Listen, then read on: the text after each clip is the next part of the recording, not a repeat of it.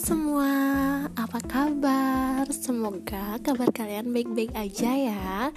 Oh ya, sebelum aku ke inti pembicaraan, ada baiknya aku memperkenalkan diri. Perkenalkan, nama aku Nilo Putri Noviartini, bisa dipanggil dengan Nopi. Aku dari, aku mahasiswi dari admin, administrasi publik angkatan 2020. Wah, terima kasih ya teman-teman yang udah mau dengerin podcast perdana aku. Jadi di sini aku mau mengangkat tema untuk memenuhi nilai UASku yaitu tema tentang persepsi masyarakat mengenai uh, mengenai gender atau perempuan yang menjadi pemimpin di suatu negara. Nah, sebelum kita lanjut nih ke topiknya, pasti kalian uh, juga merasa kenapa ya banyak atau kenapa ya presiden atau kenapa ya banyak masyarakat yang mengira uh, perempuan itu tidak bisa menjadi pemimpin. Nah, jadi di sini aku akan ngasih tahu kalian, perempuan tuh bisa jadi pemimpin karena menurutku ada kelebihan yang dimiliki oleh seorang perempuan daripada uh, laki-laki uh, ya. Tapi di sini aku tidak membandingkan atau mengagung-agungkan sosok perempuan di sini. Jadi yang sudah kita ketahui balik ke sejarah atau uh, sejarah kita pasti kita pernah belajar mengenai pahlawan. Nah pahlawan uh, yang terkenal atau pahlawan yang memperjuangkan uh, perjuangan wanita itu adalah Raden Ajeng Ibu Kartini. Nah, beliau yang menaikkan hak atau martabat seorang wanita agar setara dengan seorang laki-laki. Jadi di di era ini kita harus bisa melanjutkan perjuangan dari Raden Ajeng Ibu Kartini ini. Raden uh, beliau Ibu Kartini saja bisa merubah pandangan atau uh, persepsi masyarakat mengenai kuatnya uh, seorang wanita untuk menjadi pemimpin kenapa kita tidak bisa gitu loh. Jadinya di sini juga uh, tidak semua orang sih yang bisa. Ada juga yang harus memiliki memiliki uh, maksudnya memiliki basic basic dalam kepemimpinan kita harus bisa menguasai um, bidang politik untuk bisa menjadi seorang presiden atau pejabat-pejabat yang ada di pemerintahan. Jadi sekian, jadi prememori ya, pokoknya itu intinya. Jadi terima kasih teman-teman yang sudah mendengarkan podcast podcast per, perdanaku. Uh, terima kasih telah mendengarkan dan semoga podcastku ini bisa bermanfaat bagi kalian. Akhir kata aku ucapkan terima kasih dan sampai jumpa. Bye bye. Oh ya, ingat ya kalian harus mentaati protokol kesehatan karena kita masih berada dalam situasi COVID-19. Oke, okay, bye bye.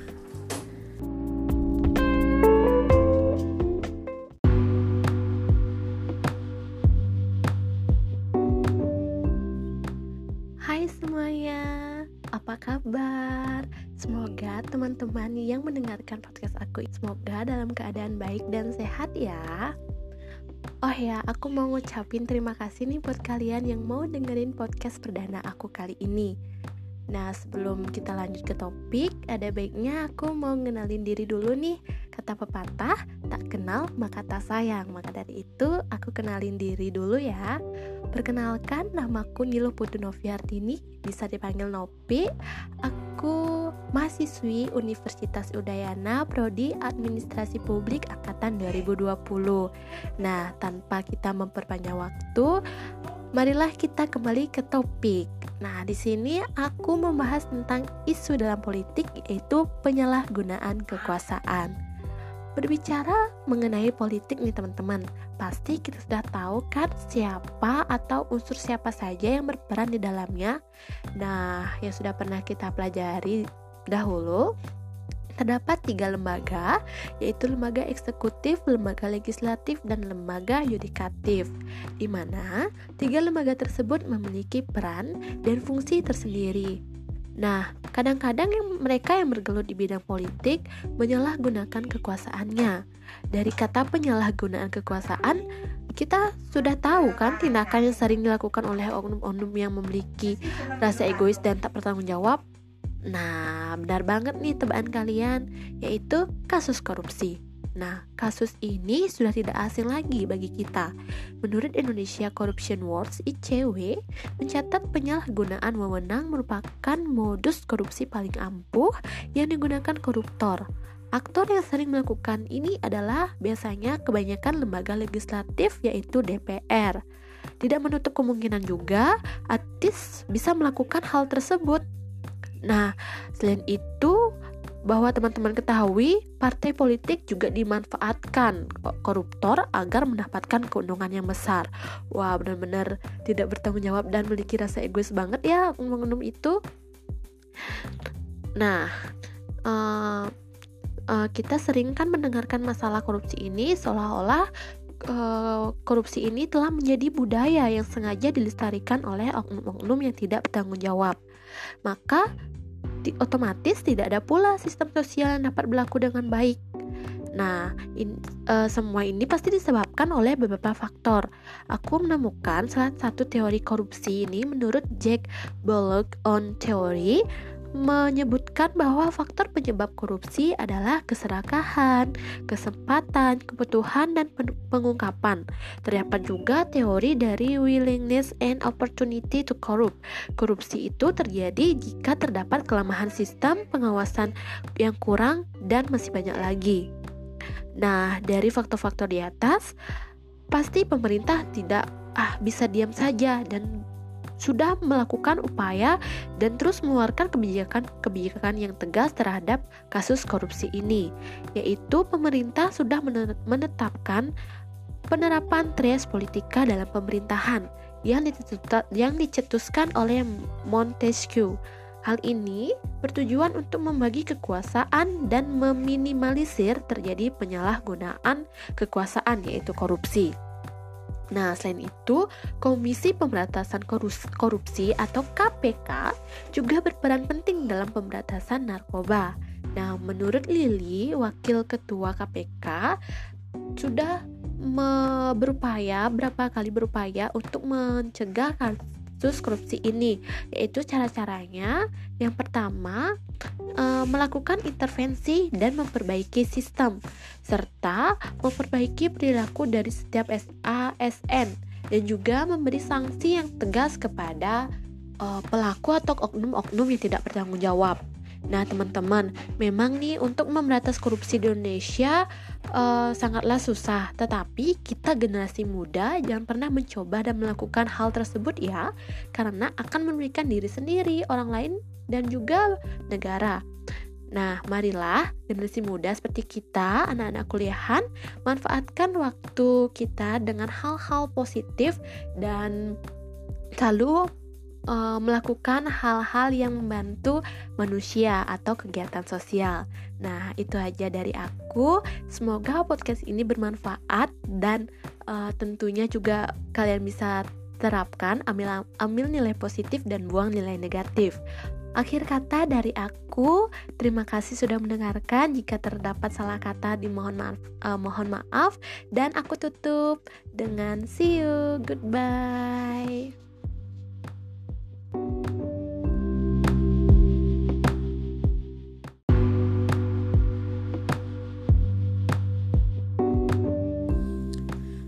Semuanya. Apa kabar? Semoga kabar kalian di rumah baik-baik aja ya. Sebelum aku lanjut ke topik, aku mau kenalin diri dulu nih. Kata pepatah, tak kenal maka tak sayang. Maka dari itu kita kenalan dulu yuk.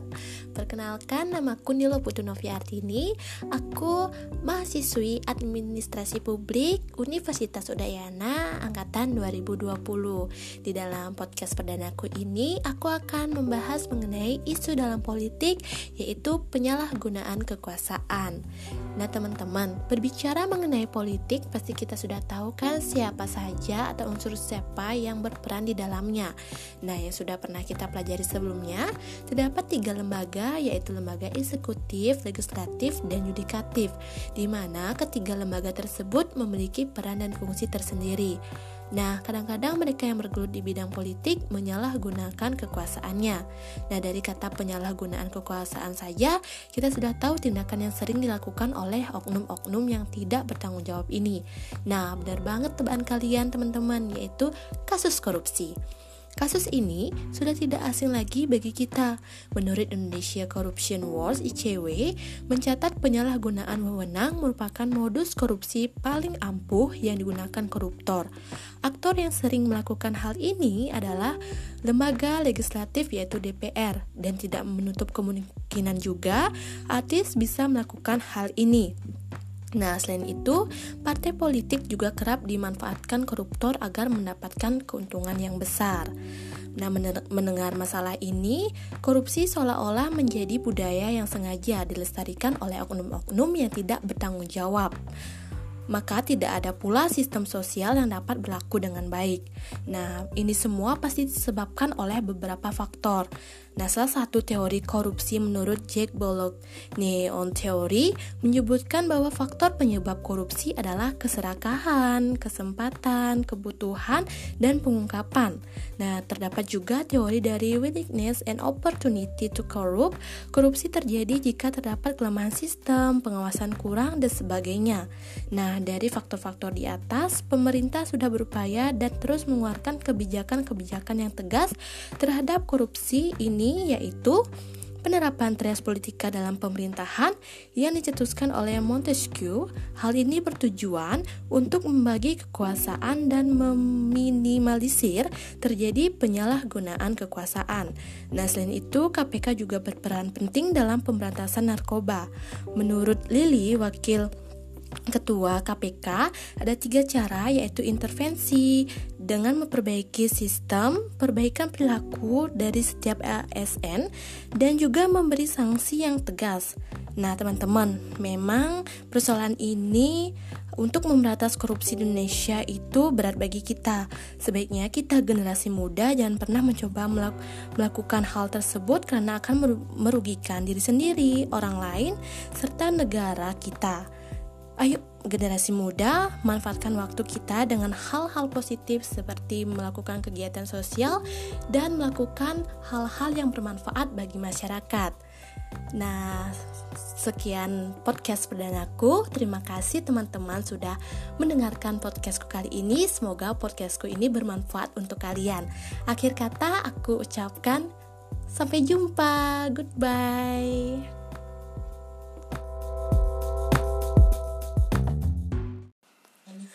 Halo semuanya, apa kabar? Semoga kabar kalian baik-baik aja ya Kembali lagi dengan aku Noviartini di podcast kedua aku Nah pada kesempatan kali ini Aku akan membahas tema yaitu sosiologi mengenai rasisme. Nah, pasti teman-teman di sini sudah tahu dan tidak asing lagi kan mendengar kata rasisme. Nah, benar banget tuh di pikiran kalian bahwa rasisme ini adalah sikap yang mengucilkan atau mengejek ras yang berbeda dengan kita. Nah, dalam podcast yang kedua ini Aku akan membahas uh, mengenai kasus rasisme di daerah Papua yang sudah kita ketahui bahwa masyarakat atau saudara kita yang tempat tinggal di Papua itu memiliki perbedaan dengan negara kita, mayoritas Indonesia, yaitu benar banget kulit dari warna kulit. Nah, adanya perbedaan dari warna kulit ini, muncullah rasa rasisme terhadap orang-orang Papua. Mereka tidak memikir, memikirkan perasaan dan mental saudara-saudara kita yang kita kucilkan. Nah, tidak hanya di Indonesia saja, ternyata tetangga kita, yaitu Amerika, memiliki tingkat rasisme yang tinggi. Di sini teman-teman pasti sudah tahu atau pernah mendengar berita tentang cercaan mahasiswa Papua. Nah, benar kalau kalian udah tahu, pasti kalian uh, pernah mendengar bahwa uh, Amerika itu um, mengucilkan mahasiswi Papua yang belajar di daerahnya. Nah, seorang mahasiswa, mahasiswi yang bernama Florida Nasa Tegai yang tengah mengambil S2 di bidang teknik pertambangan University of Nevada Reno sempat ditanya-tanya hal yang tidak masuk akal seperti apakah di Papua sudah ada mobil, apakah sudah memakai baju, dan kok bisa sih sampai ke Amerika Kata-kata uh, tersebut seakan menedahkan manusia mahasiswi itu. Banyak pengalaman yang tidak uh, enak dirasakan oleh wanita tersebut uh, ter, uh, selama menjalani pendidikan di Amerika ter, uh, Amerika negara Amerika. Seperti tidak ada yang mau dekat dengan Uh, saudara Florida dan misalkan uh, mayoritas Amerika berdekatan dengan mahasiswi tersebut mereka benar-benar memegang dompet dengan erat karena takut dicuri dan banyak dan masih banyak lagi. Nah uh, ternyata terdapat juga teori mengenai kasus rasisme ini, yaitu teori skala makhluk hidup dari Sir William Petty. Nah, seorang ilmuwan asal Inggris bernama Sir William Petty ini menulis sebuah karya ilmiah yang mencoba menelaah rasisme secara ilmiah di era abad ke-17. Dia mempunyai gagasan bahwa beberapa ras tak hanya dibedakan dengan adanya perbedaan fisik, namun juga perilaku dan kecerdasan.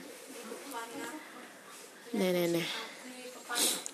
Dalam karyanya yang berjudul The Scale of Creature atau skala makhluk hidup, Petty menyebut bahwa semua makhluk hidup ciptaan Tuhan ada dalam sebuah piramida hierarki. Nah, orang Kausa Kaukasian berada di paling atas dan yang berada di bagian bawah adalah makhluk kecil seperti cacing. Nah, dalam piramida tersebut, ras manusia diurutkan dari tertinggi yang terendah, di mana yang berada setelah Kaukasian adalah orang Eropa pertengahan hingga yang paling rendah adalah orang kulit hitam di pesisir barat Afrika atau lebih dikenal dengan Koko atau orang Guinea. Nah, bahkan oleh PT, ras manusia terendah tersebut uh, disebut dengan jiwa yang mirip dengan monster. Nah, uh, seperti yang uh, dialami oleh saudara kita di Papua, bahwa banyak yang uh, mengejek atau menyebut mereka dengan monyet. Mereka uh, uh, mereka disamakan perilakunya dengan monyet. Uh, selain itu, Petty juga uh, uh, selain itu, teori ini yang digunakan sebagai justifikasi untuk memperbudak orang kulit hitam di era tersebut. Nah, jadi teori ini juga bukan dari negara uh, Amerika, Eropa, tetapi juga menyebar ke seluruh dunia dan kasus rasisme ini tidak ada henti-hentinya. Nah, dari hal tersebut, uh, dengan tidak sengaja um, membuat hati Hati mahasiswi tersebut terluka karena tidak ingin uh, direndahkan. Mereka sampai membuat sebuah video yang mengajak kita agar menghargai sesama dan menghilangkan rasa rasisme. Kita tidak tahu bagaimana mental saudara kita apabila kita mengejek atau mengucilkan mereka dengan perbedaan dari fisik dan lain sebagainya. Uh, di sini saya juga, nah itu menurut pendapat saya walaupun kita berbeda-beda tetapi harus saling menghargai dan tidak menindas orang yang mungkin beda dengan mayoritas kita. Sebaiknya kita sebagai agent of change atau generasi penerus bangsa yang bisa merubah bangsa harus bisa menghilangkan rasa rasisme terhadap siapa pun itu dan saling merangkul satu sama lain. Jangan membuat hati saudara atau saudari kita bersedih, buatlah hati mereka tersenyum dengan sikap kita. Baik, itulah podcastku kali ini. Semoga podcastku bisa bermanfaat bagi kalian dan terima kasih bagi kalian yang sudah mendengar podcast kedua aku. Akhir kata, aku ucapkan sampai jumpa dan ingat ya mematuhi protokol kesehatan. Bye bye.